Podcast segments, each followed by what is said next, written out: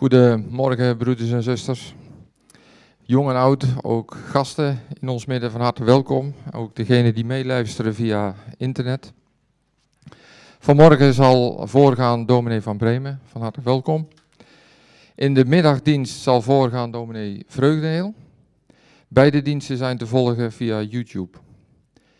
Volgende week zondag zullen de ochtenddiensten weer, zoals voor de corona, om half tien aanvangen. Meer leest u hierover in het kerkblad. Na afloop van deze dienst zal een korte gemeentevergadering van de verkiezing voor ambtsdragers worden gehouden. Uh, als wij als kerkraad eruit lopen, zal Aard gelijk met de verkiezing ook beginnen met die vergadering. Morgenavond zal Deo Valente een kerkraadsvergadering, deels met diakenen, worden gehouden in dit kerkgebouw. En vanavond zal er een tentdienst worden gehouden in de feesttent achter het verlaat. Deze dienst begint om half zeven en de spreker zal Andries Knevel zijn. En de muzikale begeleiding wordt verzorgd door de band All in One. De collectes, de eerste is voor de kerk, de tweede het Nederlands Bijbelgenootschap en de derde is voor de zending. En aanstaande zondag is de tweede collecte voor de diaconie. De kerkraad wenst u een gezegende dienst.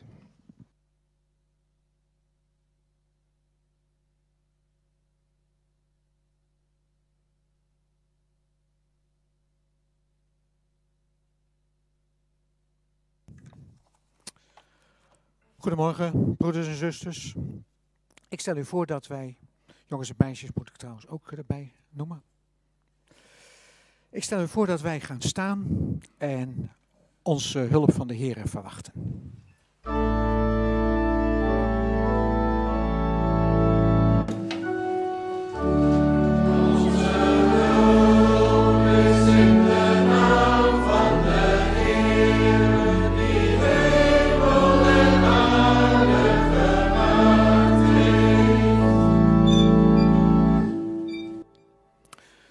Genade zij u en vrede van hem die is, die was en die komt.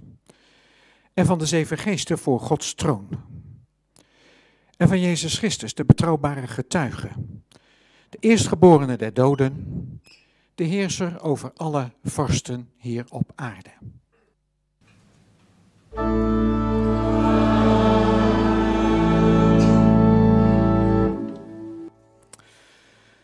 Zullen wij nu twee coupletten zingen uit Psalm 147? Goed is het onze God te eren.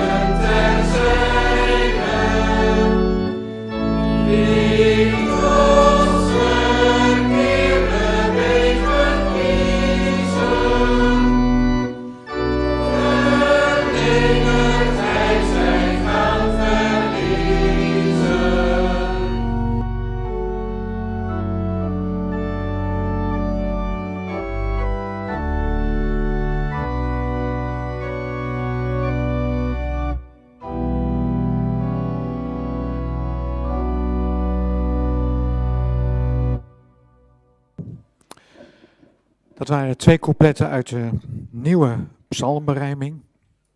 En u hoort dat het een hele frisse uh, berijming is. Ondertussen is er wat gesleuteld aan het geluid. Ik weet niet of dat geholpen heeft. Zegt u het maar. Ietsje naar buiten buigen. Is het zo beter? Mooi. Ik stel u voor dat ik voorga in gebed. Dank u wel, trouwe God en Vader in de hemel, dat wij hier op deze zondagochtend, zo'n stralend mooie zondagochtend, weer mogen samenkomen in dit kerkgebouw om u te loven en te prijzen. U komt met uw heilig en goddelijk woord naar ons toe. En u houdt dat woord ons voor als een spiegel. U bent God, heilig, eeuwig, krachtig, onverslaanbaar. En wij zijn mensen. Mensen die sterfelijk zijn, klein zijn. Mensen die tekortkomen in liefde voor u en de naaste.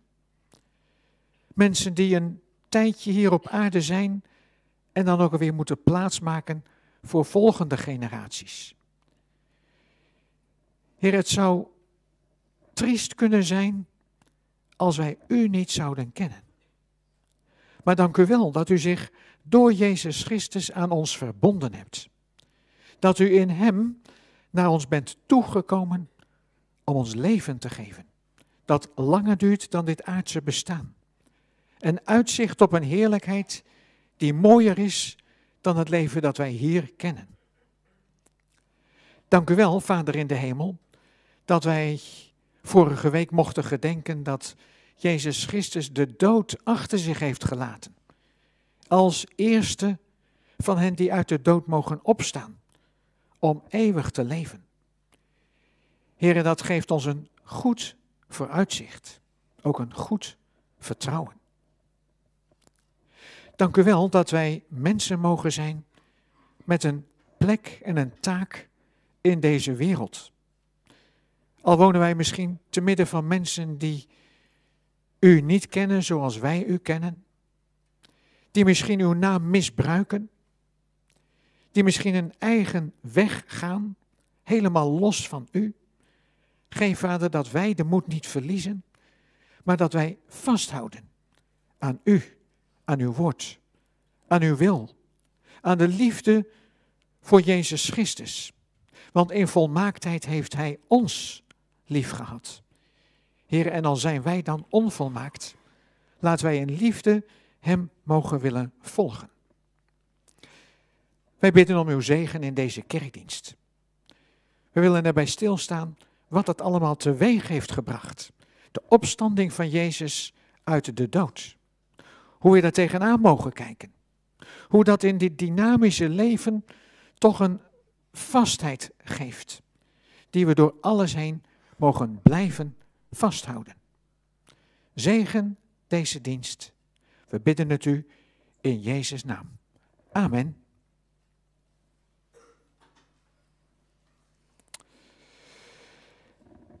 We willen nu lezen uit Jesaja 51, vers 1 tot en met 8. Daarna zingen we uit de nieuwe psalmberijming weer, psalm 102, vers 4 en vers 6. En dan zal ik daarna de tekst lezen.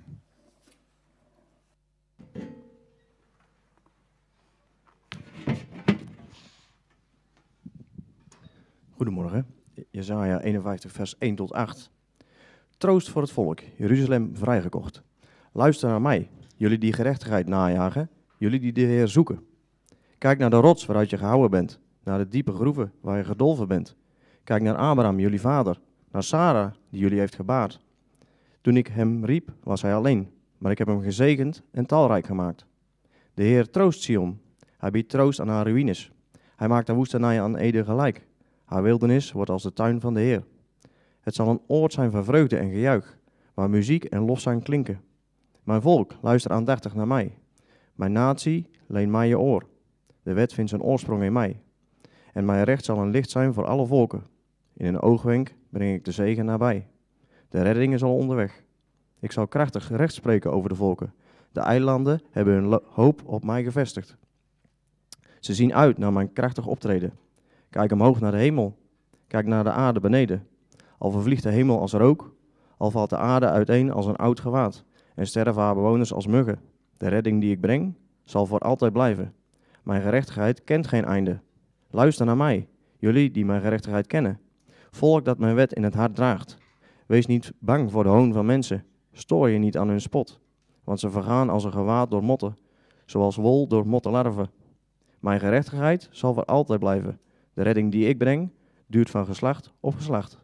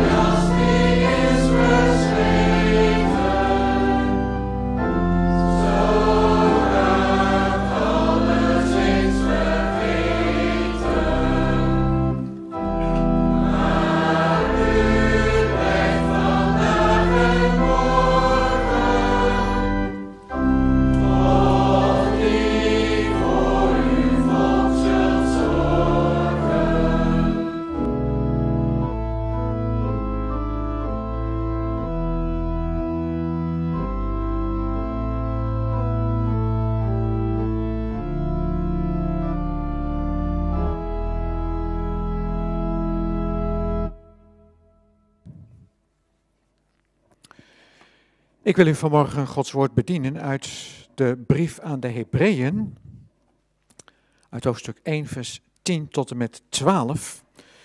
Daar wil ik vooraf nog even iets bij vertellen. Hoofdstuk 1 is als het ware een soort eh, introductie op die hele brief.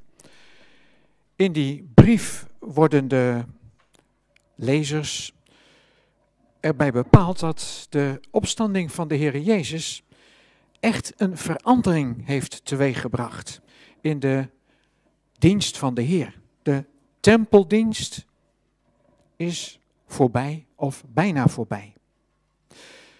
En hoe moet het dan verder? Nou, dat legt hij in de brief verder uit. En dan begint hij met een aantal citaten uit het Oude Testament. En onze tekst is één van die citaten. En dat is een citaat uit Psalm 102, waarvan wij net de betreffende coupletten ook gezongen hebben.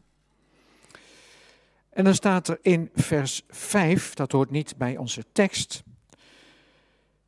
Tegen wie van de engelen heeft God immers ooit gezegd: Jij bent mijn zoon, ik heb jou vandaag verwekt? Dat is een vraag. U hoort daar een vraagteken achter. En met die vraag zet hij de mensen aan het denken, om zo maar te zeggen. God heeft een uitspraak gedaan in het Oude Testament, lang geleden. En dan moet je letten op die uitspraak, jij bent mijn zoon.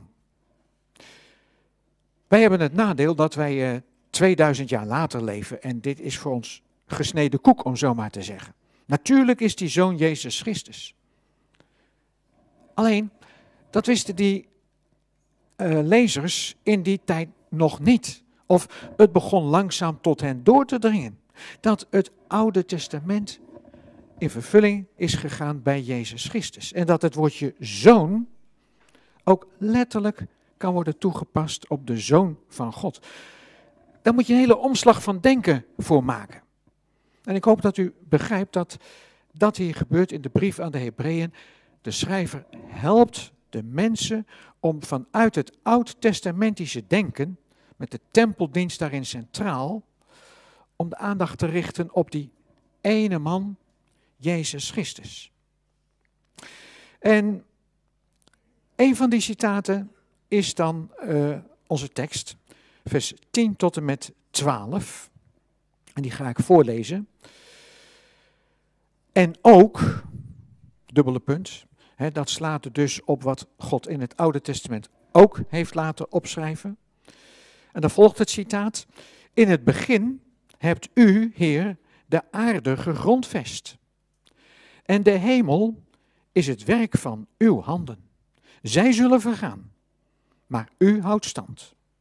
Zij zullen als een gewaad verslijten, en als een mantel zult u ze oprollen. Als een gewaad zullen ze worden verwisseld.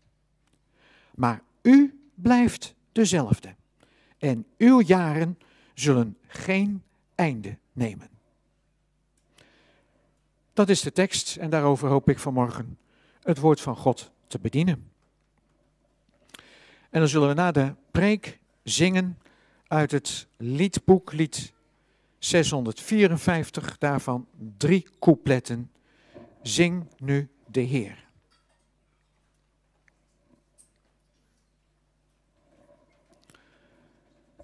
Jongens en meisjes, broeders en zusters, gemeente van onze Heer Jezus Christus.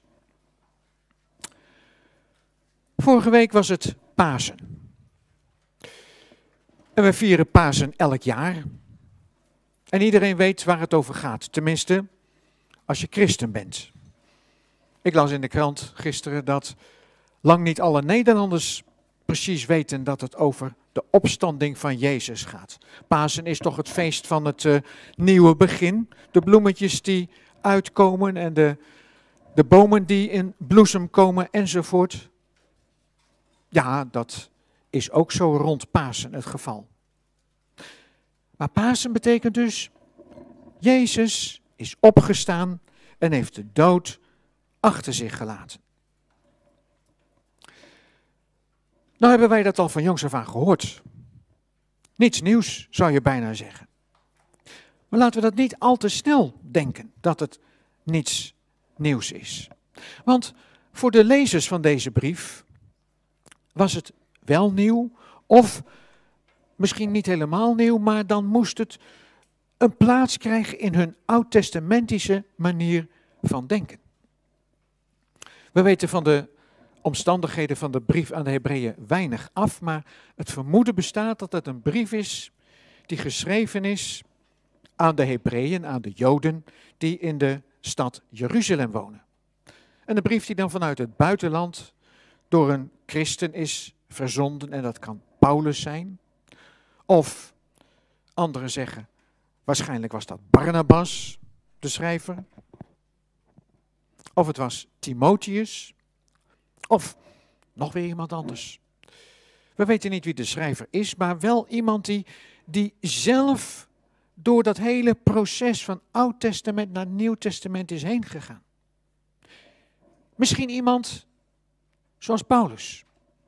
U weet wel, Saulus werd Paulus doordat hij op zijn weg naar Damascus werd tegengehouden door Jezus. Wat een bekeringsgeschiedenis. Het is maar goed dat we niet allemaal zo'n bekeringsgeschiedenis hoeven door te maken. Paulus wel. Maar de anderen eigenlijk ook, ieder op zijn eigen manier. Barnabas, Timotheus, Petrus. Weet u nog wel, Petrus die op een gegeven moment ook weer terugviel in dat oud-testamentische denken en niet meer wilde aanzitten met de heidenen aan één tafel om te eten. En toen moest hij door Paulus weer tot orde worden geroepen. Petrus, ook de voormalige heidenen die geloven, horen erbij. Je stapt niet zomaar van de ene cultuur in de andere cultuur. En als je denkt dat het automatisch van het Oude naar het Nieuwe Testament overgaat, dan heb je het helemaal mis. Daar is een totale omslag van denken voor nodig. En dat wordt hier nou eigenlijk in deze brief aan de Hebreeën aan de orde gesteld. Als u de brief een beetje kent, dan weet u dat de, tempeldienst heel uitvoerig aan de orde komt. De offers, de priesters, de hoge priester. Nog veel meer dingen, de Sabbat wordt vermeld. Alles wat zeg maar in de godsdienst van Israël van het oude verbond zit opgesloten, dat heeft een nieuw gewaad gekregen door de komst van de Heer Jezus Christus. Het is allemaal een beetje anders geworden. U weet ook wel, de Joden vierden de Sabbat. Wij de zondag. Dan zou je zeggen, nou ja, what's in a name? Of het nou Sabbat of zondag heet. Ja, maar er zit wel een principiële gedachte achter. Wij vieren de dag waarop Jezus met Pasen uit de dood is opgestaan. Dat doen wij niet per ongeluk, niet zo van een van de zeven dagen van de week moesten wij prikken. Nee, dat is een gedachte aan ons nieuwe begin. En dat is één ding dat wij kennen als een verandering ten opzichte van de dienst van toen. Maar er zijn veel meer. De offers die wij brengen, ja, wij noemen uh, de collecte de dienst van de offeranden. En dat is het eigenlijk ook. Maar de Joden die kwamen met schapen en lammeren en duiven naar de tempel toe. Dat waren hun offers. En dan merkt u, daar is dus echt wel iets veranderd. En die andere manier van denken, die probeert de schrijver van de Hebreeënbrief aan de christenen in Jeruzalem bij te brengen. Hoogstwaarschijnlijk is deze brief nog geschreven nog voordat de tempel was verwoest en dat is gebeurd in het jaar 70. Dus laat ik zeggen met een uh, waarschijnlijkheidsmarge van 98% is deze brief voor het jaar 70 geschreven. De tempel stond er nog. Moet je zich voorstellen, je bent christen, je volgt Jezus Christus en je ziet elke dag op het tempelplein de offers gebracht worden, de gebeden worden gedaan, zoals Zacharias het gebed uitsprak, althans werd geacht het gebed uit te spreken op het tempelplein, en de zegen mee te geven. Elke dag opnieuw. En dan ben je christen. En je woont in die stad. En je maakt het elke dag weer mee. Er is niets veranderd sinds de hemelvaart van Jezus Christus. Lijkt het wel. En wat moet je daar dan mee aan als christen? Wat is nou belangrijker? Die tempeldienst, zoals we dat van jongs af aan hebben meegekregen? Of het geloof in Jezus? En als het geloof in Jezus dan het belangrijkste is, waar zit hem dan dat verschil in? En dan is de verdienste van deze brief dat de schrijver zegt: Zal ik jullie eens even meenemen naar het Oude Testament? En zal ik jullie eens leren lezen in het Oude Testament? Natuurlijk hebben jullie alles in het Oude Testament al lang gelezen. Je weet wat er in Psalm 102 staat. Je weet wat er in Jesaja 51 staat. En toch staan er verrassingen in. En zo neemt hij zijn lezers, en vandaag met u dat en ik, neemt hij mee naar het Oude Testament. Met deze vraag in vers 5. Tot wie van de engelen heeft God ooit gezegd, jij bent mijn zoon? Nou, het antwoord is natuurlijk duidelijk. Tot niemand van de engelen heeft God dat ooit gezegd. Maar toch heeft God tegen iemand gezegd, jij bent mijn zoon. Dan moet je dus nadenken. Wat zou God daarmee bedoelen? In Psalm 110. Jij bent mijn zoon. Wie wordt daarmee bedoeld? En die vraagstelling, die wordt straks natuurlijk ook van een antwoord voorzien. En wij weten het antwoord al lang. Dat is Jezus Christus. Vers 6. Als de eerstgeborene met een hoofdletter, Jezus Christus, dus komt, zegt hij, zegt God, laten al Gods engelen hem eer bewijzen. Nou, misschien hadden ze die psalm al tien keer gelezen. Zou best kunnen. Ik hoor ook wel eens mensen in mijn omgeving zeggen: Die psalm heb ik nou al zo vaak gezongen. Hè? En toen er wat gebeurde in mijn leven, toen pas drong tot mij door wat er nou eigenlijk in die psalm staat. Toen gaf het mij ook troost en houvast in het leven. Nou, dat is hier in Hebreeën 1 precies hetzelfde. Je leest een psalm en je leest soms over de diepte van de psalm helemaal heen. En dan zegt de schrijver van de Hebreeënbrief, het staat er in het Oude Testament en je hebt er altijd overheen gelezen. Maar laten we nou eens een diepteboring doen, bij wijze van spreken. Over wie gaat het nou eigenlijk in het Oude Testament? Vers 8. Tegen de zoon zegt hij, daarom heeft uw God u gezalfd. Was dat u al eens opgevallen? Twee keer u, de ene u spreekt de andere u aan. God spreekt zijn zoon aan. Misschien was dat wel een, een raadseltje tot op dat moment. Maar het antwoord wordt hier gegeven.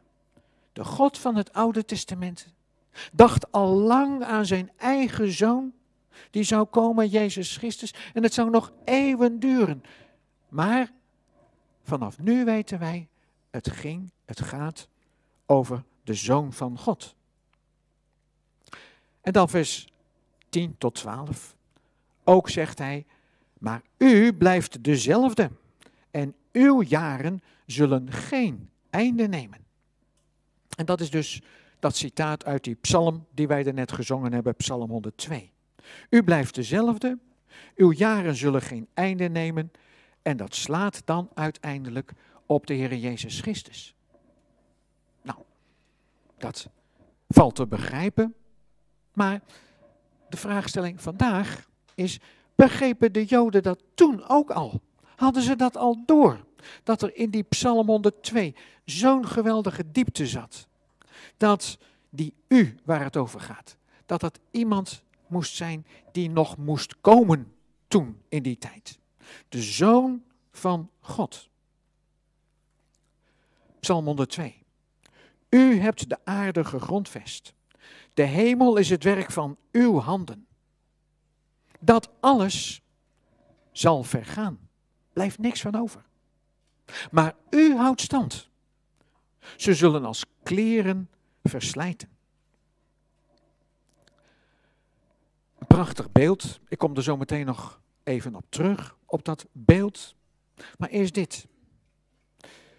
Komt dat niet helemaal overeen met die heel bekende woorden uit het evangelie van Johannes? Johannes begint het evangelie. In het begin was het woord. En het woord was bij God. En het woord was God. Het was in het begin bij God. Alles is er door ontstaan. En zonder dit is niets ontstaan van wat bestaat. In het begin was het woord. En dat woord is vlees geworden. En Johannes mocht dat zo onder woorden brengen. En als iemand dat onder woorden brengt, dan denk je, dat was me nou nog nooit opgevallen. Maar het is wel waar. Wie er sprak in het Oude Testament, God zelf, die heeft niet alleen de aarde geschapen. Maar is ook dezelfde God die mij gered heeft. En hoe deed hij dat? Door Jezus Christus. En hoe kon Jezus Christus dat doen? Doordat hij het woord van God is.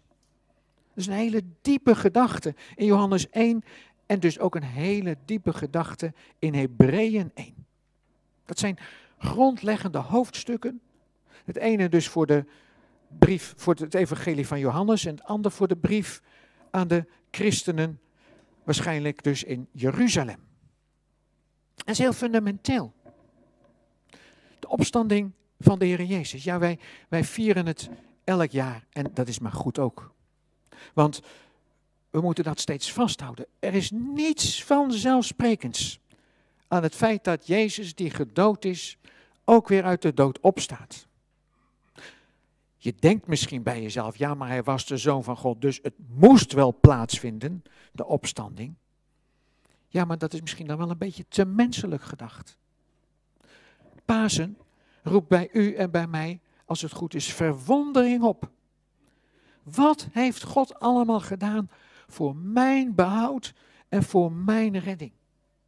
Hij liet voor mij iemand sterven, zijn eigen zoon. Alleen die zoon bleef niet in het graf. Het was niet een offer dat begraven en vergeten werd. Maar het was een offer dat weer uit de dood tevoorschijn kwam. Dat is de uitgestoken hand van mijn Vader in de hemel naar mij toe. Ook jij en jij en jij en ieder die gelooft. Die mag dat vertrouwen hebben dat de dood niet het laatste woord heeft.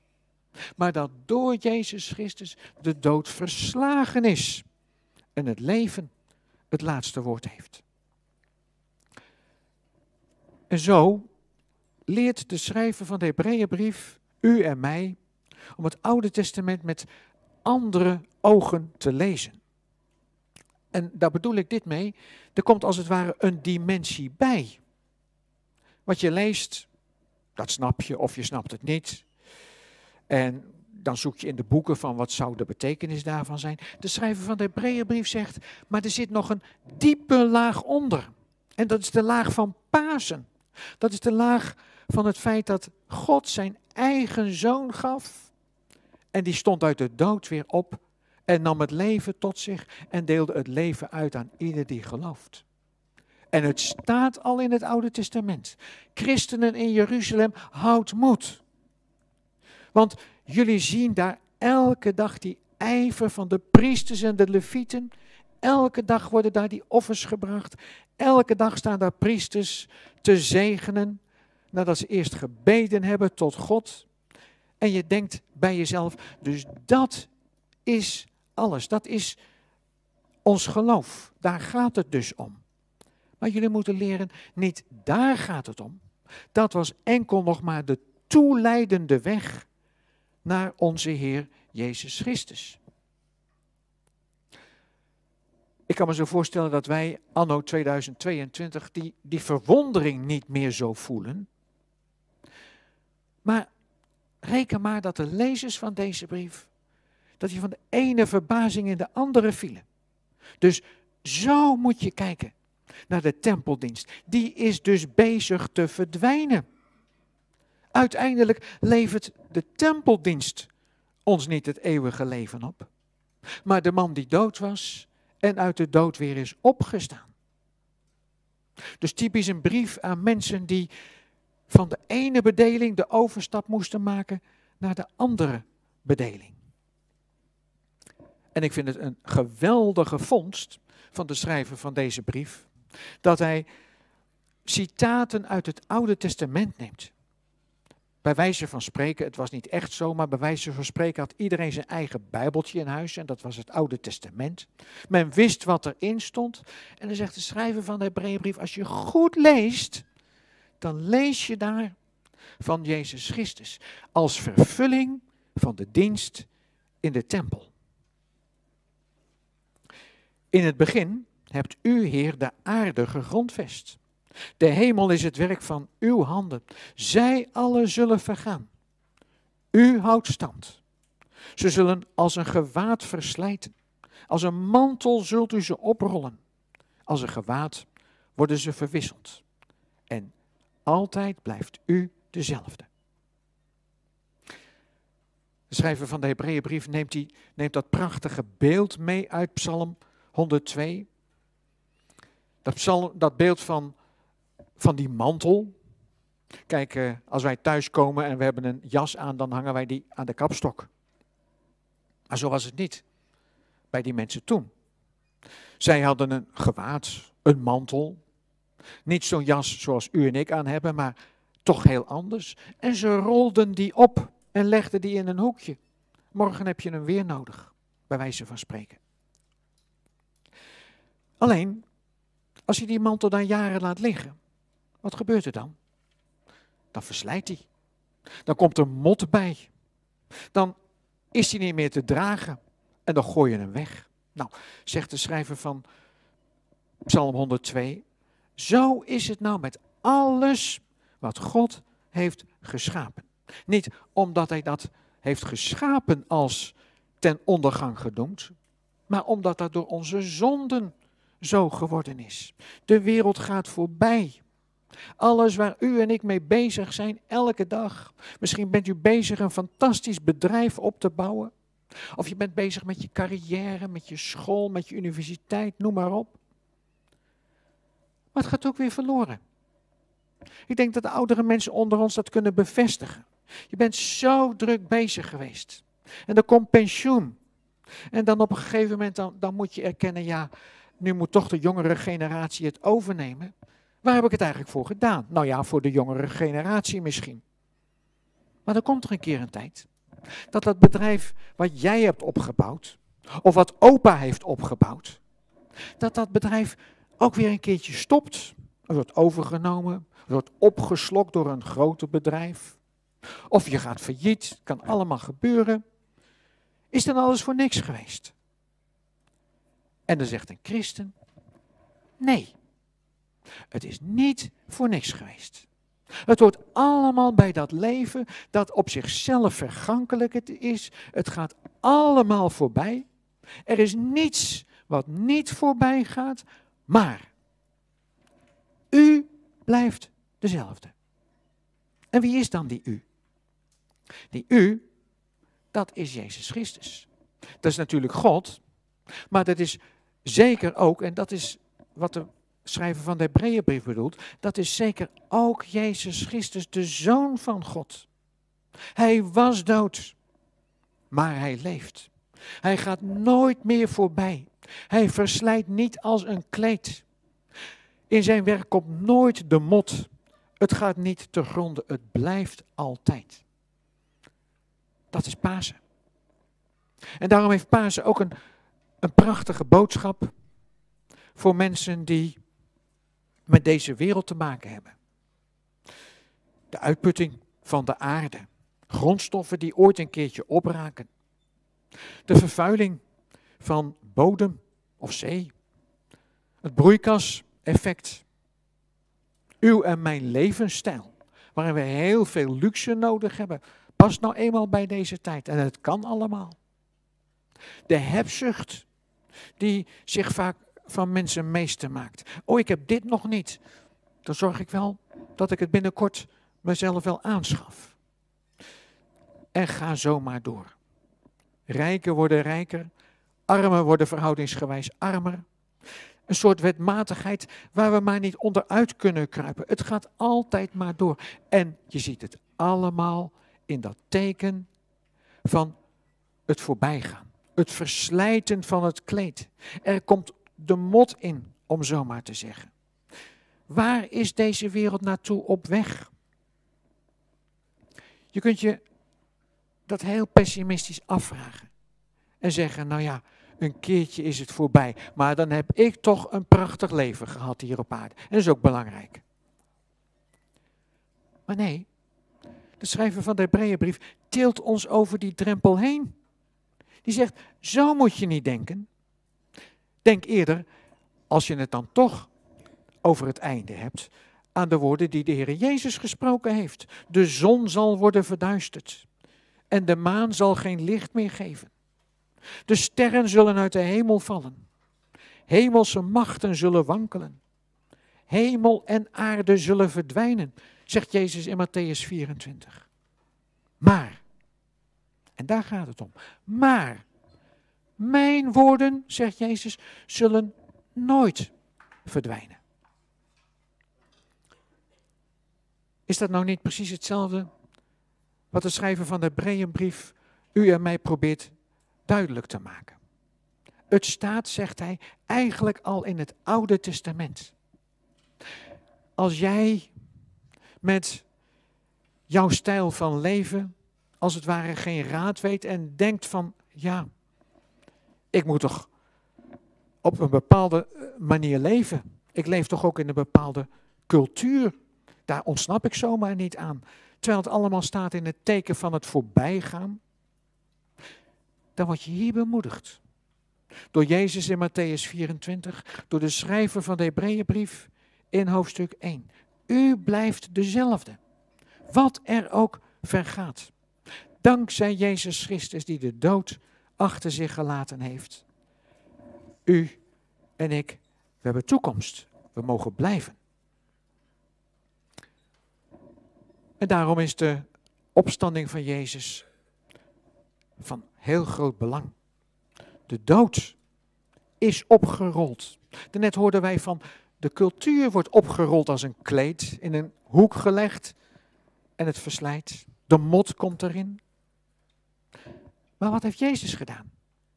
Hij heeft het precies andersom gedaan. Hij pakte de dood bij zijn lurven en hij rolde de dood op. En weg was de dood. Voor hem en ook voor u en voor mij. De leugen is gesmoord. Maar, zo zullen de, lezers van de Hebreeënbrief zich afvragen, wat moeten wij dan met de tempeldienst? En daar kwam niet zomaar een antwoord op. Het jaar 70 gaf het antwoord. Dat mocht verdwijnen. De tempel werd verwoest. De tempeldienst vond niet meer plaats zoals toen, tot op de dag van vandaag. En wat hebben wij dan nog wel als gelovigen in handen? Nou, we hebben de Bijbel. Hier. Hier wordt u en mij de dienst van God, de Heer, bijgebracht. Zo ontzettend belangrijk. Met die Bijbel kunnen we in alle culturen aan het werk. Met die Bijbel in handen kunnen wij God dienen op ons werk, thuis, in de kerk, op school, op de universiteit, waar dan ook maar. God spreekt. En hij spreekt in zijn zoon. En zijn zoon, die heeft ons een nieuwe toekomst gegeven. Het oude gaat voorbij. Maar het nieuwe is intussen gekomen in Jezus Christus. Samenvattend, waar gaat het hier over? Het gaat hier over een tekst waarmee de schrijver van deze brief vanuit het Oude Testament wil aantonen, God gaat verder met zijn werk. Het Oude Testament liep uit op Jezus Christus. Had je niet door als je naar dat prachtige tempelgebouw kijkt. Zo indrukwekkend, zo groot, zo veelomvattend.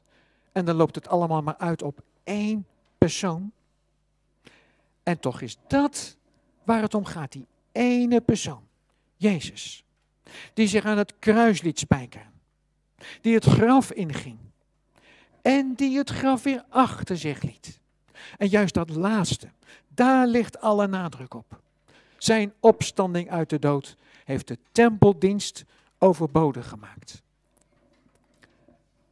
En zeker, er verandert heel veel in de wereld. En misschien worden we elke dag wel stilgezet bij, bij nieuwe ontwikkelingen. En dan zeggen we, klopt, oude dingen gaan voorbij, nieuwe dingen komen eraan. En morgen zeggen we dat weer. En volgende week ook. En volgend jaar even, eveneens. Hoe moet je over alle dingen denken? Dat is lastig. Het is lastig om over ontwikkelingen in de kerk bijvoorbeeld na te denken en daar een mening over te hebben. Geef niet om dat lastig te vinden, maar één ding. God is een God die zijn hand uitsteekt naar allen in welke cultuur en in welke ontwikkelingsfase fase en in welke gedachte men zich ook bevindt. Want hij zegt, het oude gaat voorbij, het nieuwe is gekomen. Mijn zoon is in de wereld gekomen om jullie allen, om u en om mij leven te geven. Dat is Pasen. Een nieuw begin. En dat nieuwe begin, dat mogen we elke dag weer opnieuw vieren. Het nieuwe begin van het leven. En ik wens u toe dat u ook in de komende week weer daar kracht uit kunt putten en mee verder kunt gaan. Achter Jezus Christus aan, die dood was en die leeft. Amen.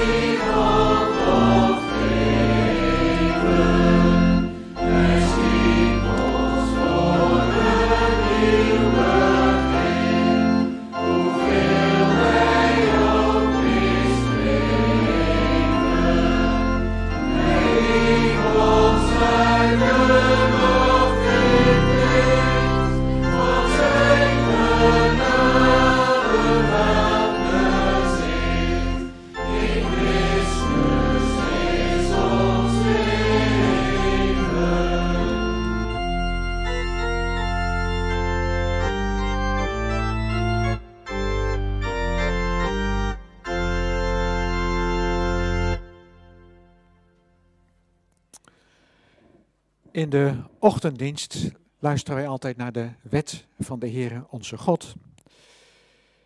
Ik dacht in aansluiting bij uh, de Bijbellezingen van deze ochtend, die wet eens met nieuwtestamentische woorden te, voor te houden.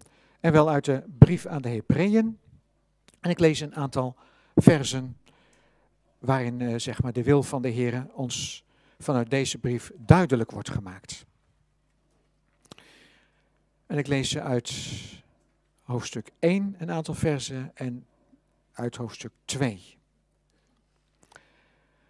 Op velerlei wijzen en langs velerlei wegen heeft God in het verleden tot de voorouders gesproken door de profeten.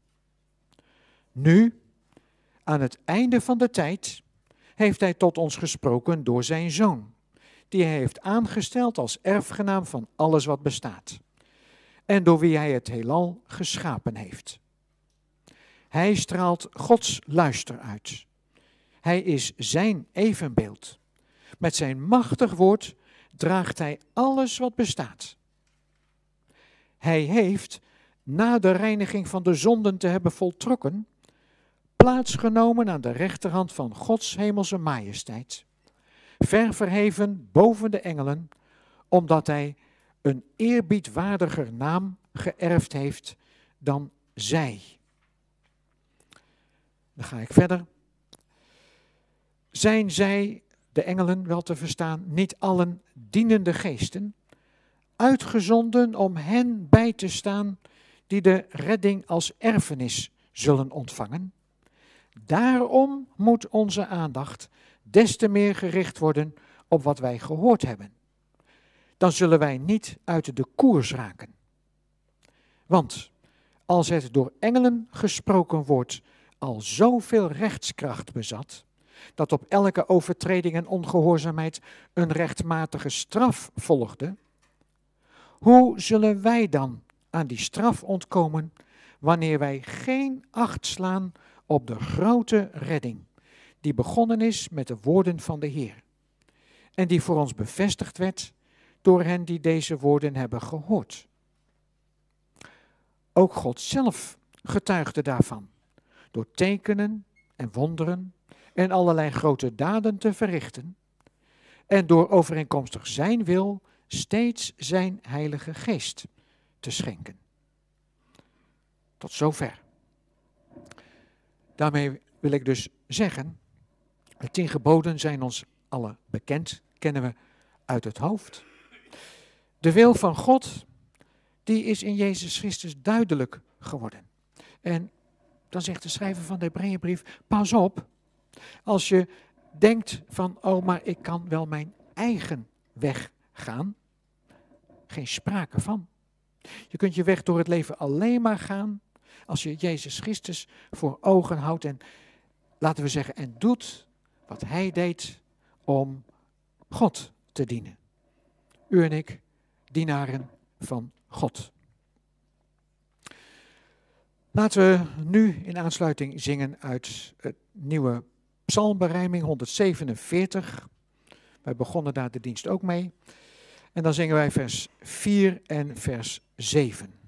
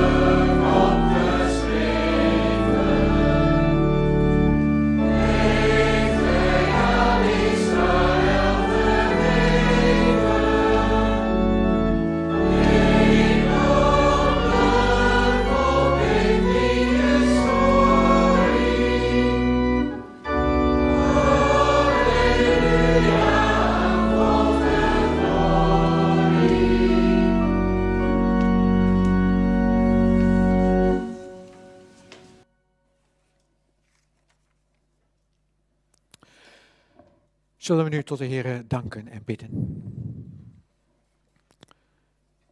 Vader in de hemel, dank u wel voor die geweldige boodschap dat de dood verslagen is en het leven zich uitstrekt naar allen die geloven, allen die Jezus volgen. Heren, wij kunnen ons voorstellen dat het toen, zo'n 2000 jaar geleden, niet eenvoudig was om van die ene cultuur van het oude verbond over te gaan naar een nieuwe cultuur, waarin niet de tempel, maar de opgestane Heer centraal staat. Heren, laten ook wij verwonderd mogen zijn om dingen die we misschien al vanaf het begin van ons leven gehoord hebben, die we ook ter harte genomen hebben, maar die niet vanzelfsprekend zijn. Want dat u naar ons bent toegekomen in Jezus Christus, dat is nooit vanzelfsprekend. Dat is enkel genade. En daarmee geeft u ons leven glans. We hebben erbij stilgestaan dat in oud en nieuw verbond gezegd werd dat alles voorbij gaat. En zo is het ook. De wereld gaat voorbij. Maar u blijft eeuwig. En wie uw zoon Jezus Christus in geloof vasthouden, mogen meegaan in die eeuwigheid. Heere, geef ons glans in de ogen, kracht in handen en knieën. En als dat niet letterlijk meer kan, dan figuurlijk. Want heren, we hebben een geweldige toekomst in het vooruitzicht gesteld gekregen. Pasen gaf ons leven zin. En daarom bidden wij u, ga met ons mee in de week die voor ons ligt. Of we nu thuis zijn of thuis werken, of naar ons werk moeten gaan, of naar onze opleiding of onze school, of misschien wel naar het ziekenhuis of het verpleeghuis. Heere, wees bij ons. Houd u onze hand vast. Op de hoogtepunten van ons leven, maar ook in de dieptepunten daarvan. Heere, zegent u ook uw gemeente.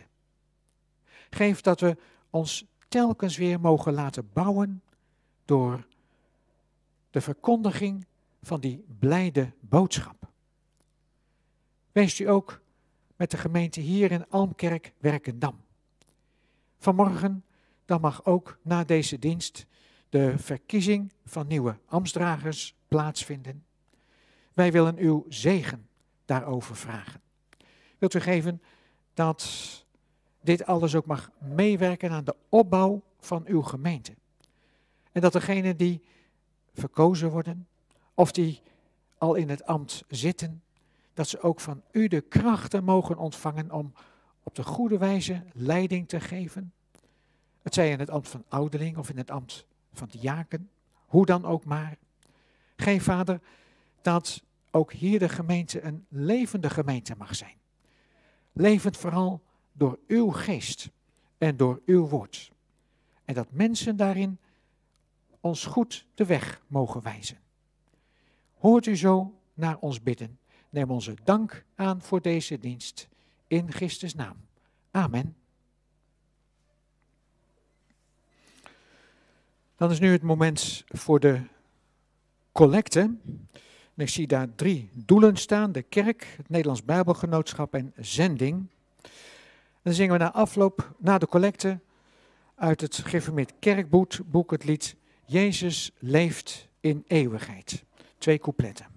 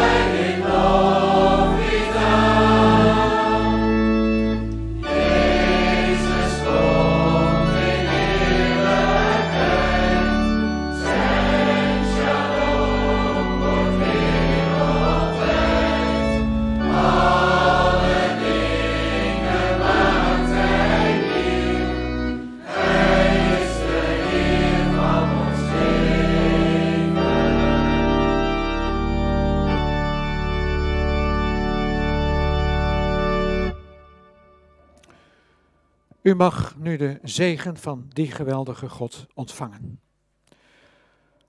Mogen de Heer u zegenen en u beschermen. Mogen de Heer het licht van zijn gelaat over u doen schijnen en u genadig zijn. Mogen de Heer u zijn gelaat toewenden en u vrede geven.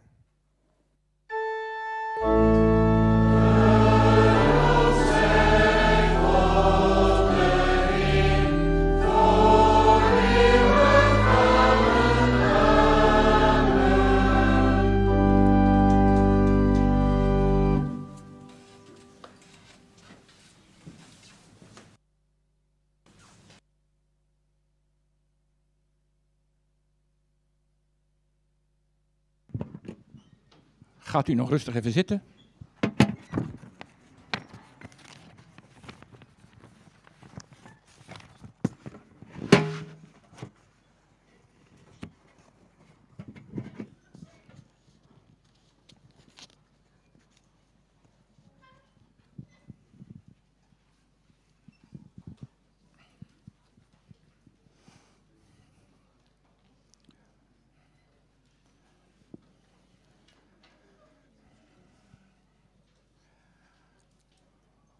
Goedemorgen.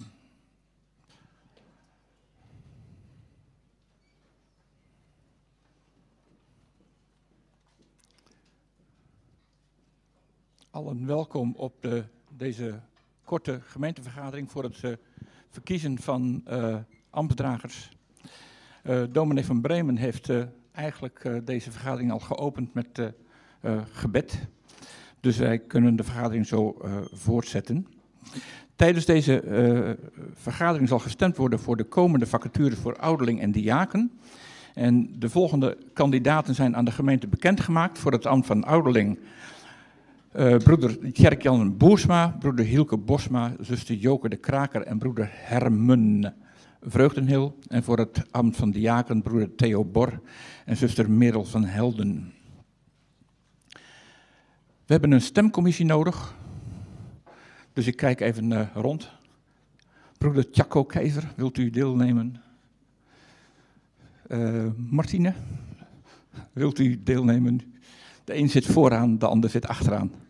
Dus dat leek mij een uh, redelijke balans. Ik heb voor die tijd nog even een, het reglement doorgekezen om te zien dat ik het helemaal netjes en goed doe. Want ik heb het hier in de buiten-corona-periode nog helemaal niet meegemaakt. Maar ik moet in ieder geval uh, vragen of u, uh, of alle stemgerechtigden ook een stembriefje hebben gekregen en de presentielijst hebben getekend. Zo niet, dan kan dat nu alsnog gebeuren. Maar als iedereen dat heeft, uh, dan betekent dat dat dat deel ook afgerond is. dan kunt u nu stemmen. na de stemming staat in het reglement dat dan de koffie klaar staat. Nou, die staat ook klaar.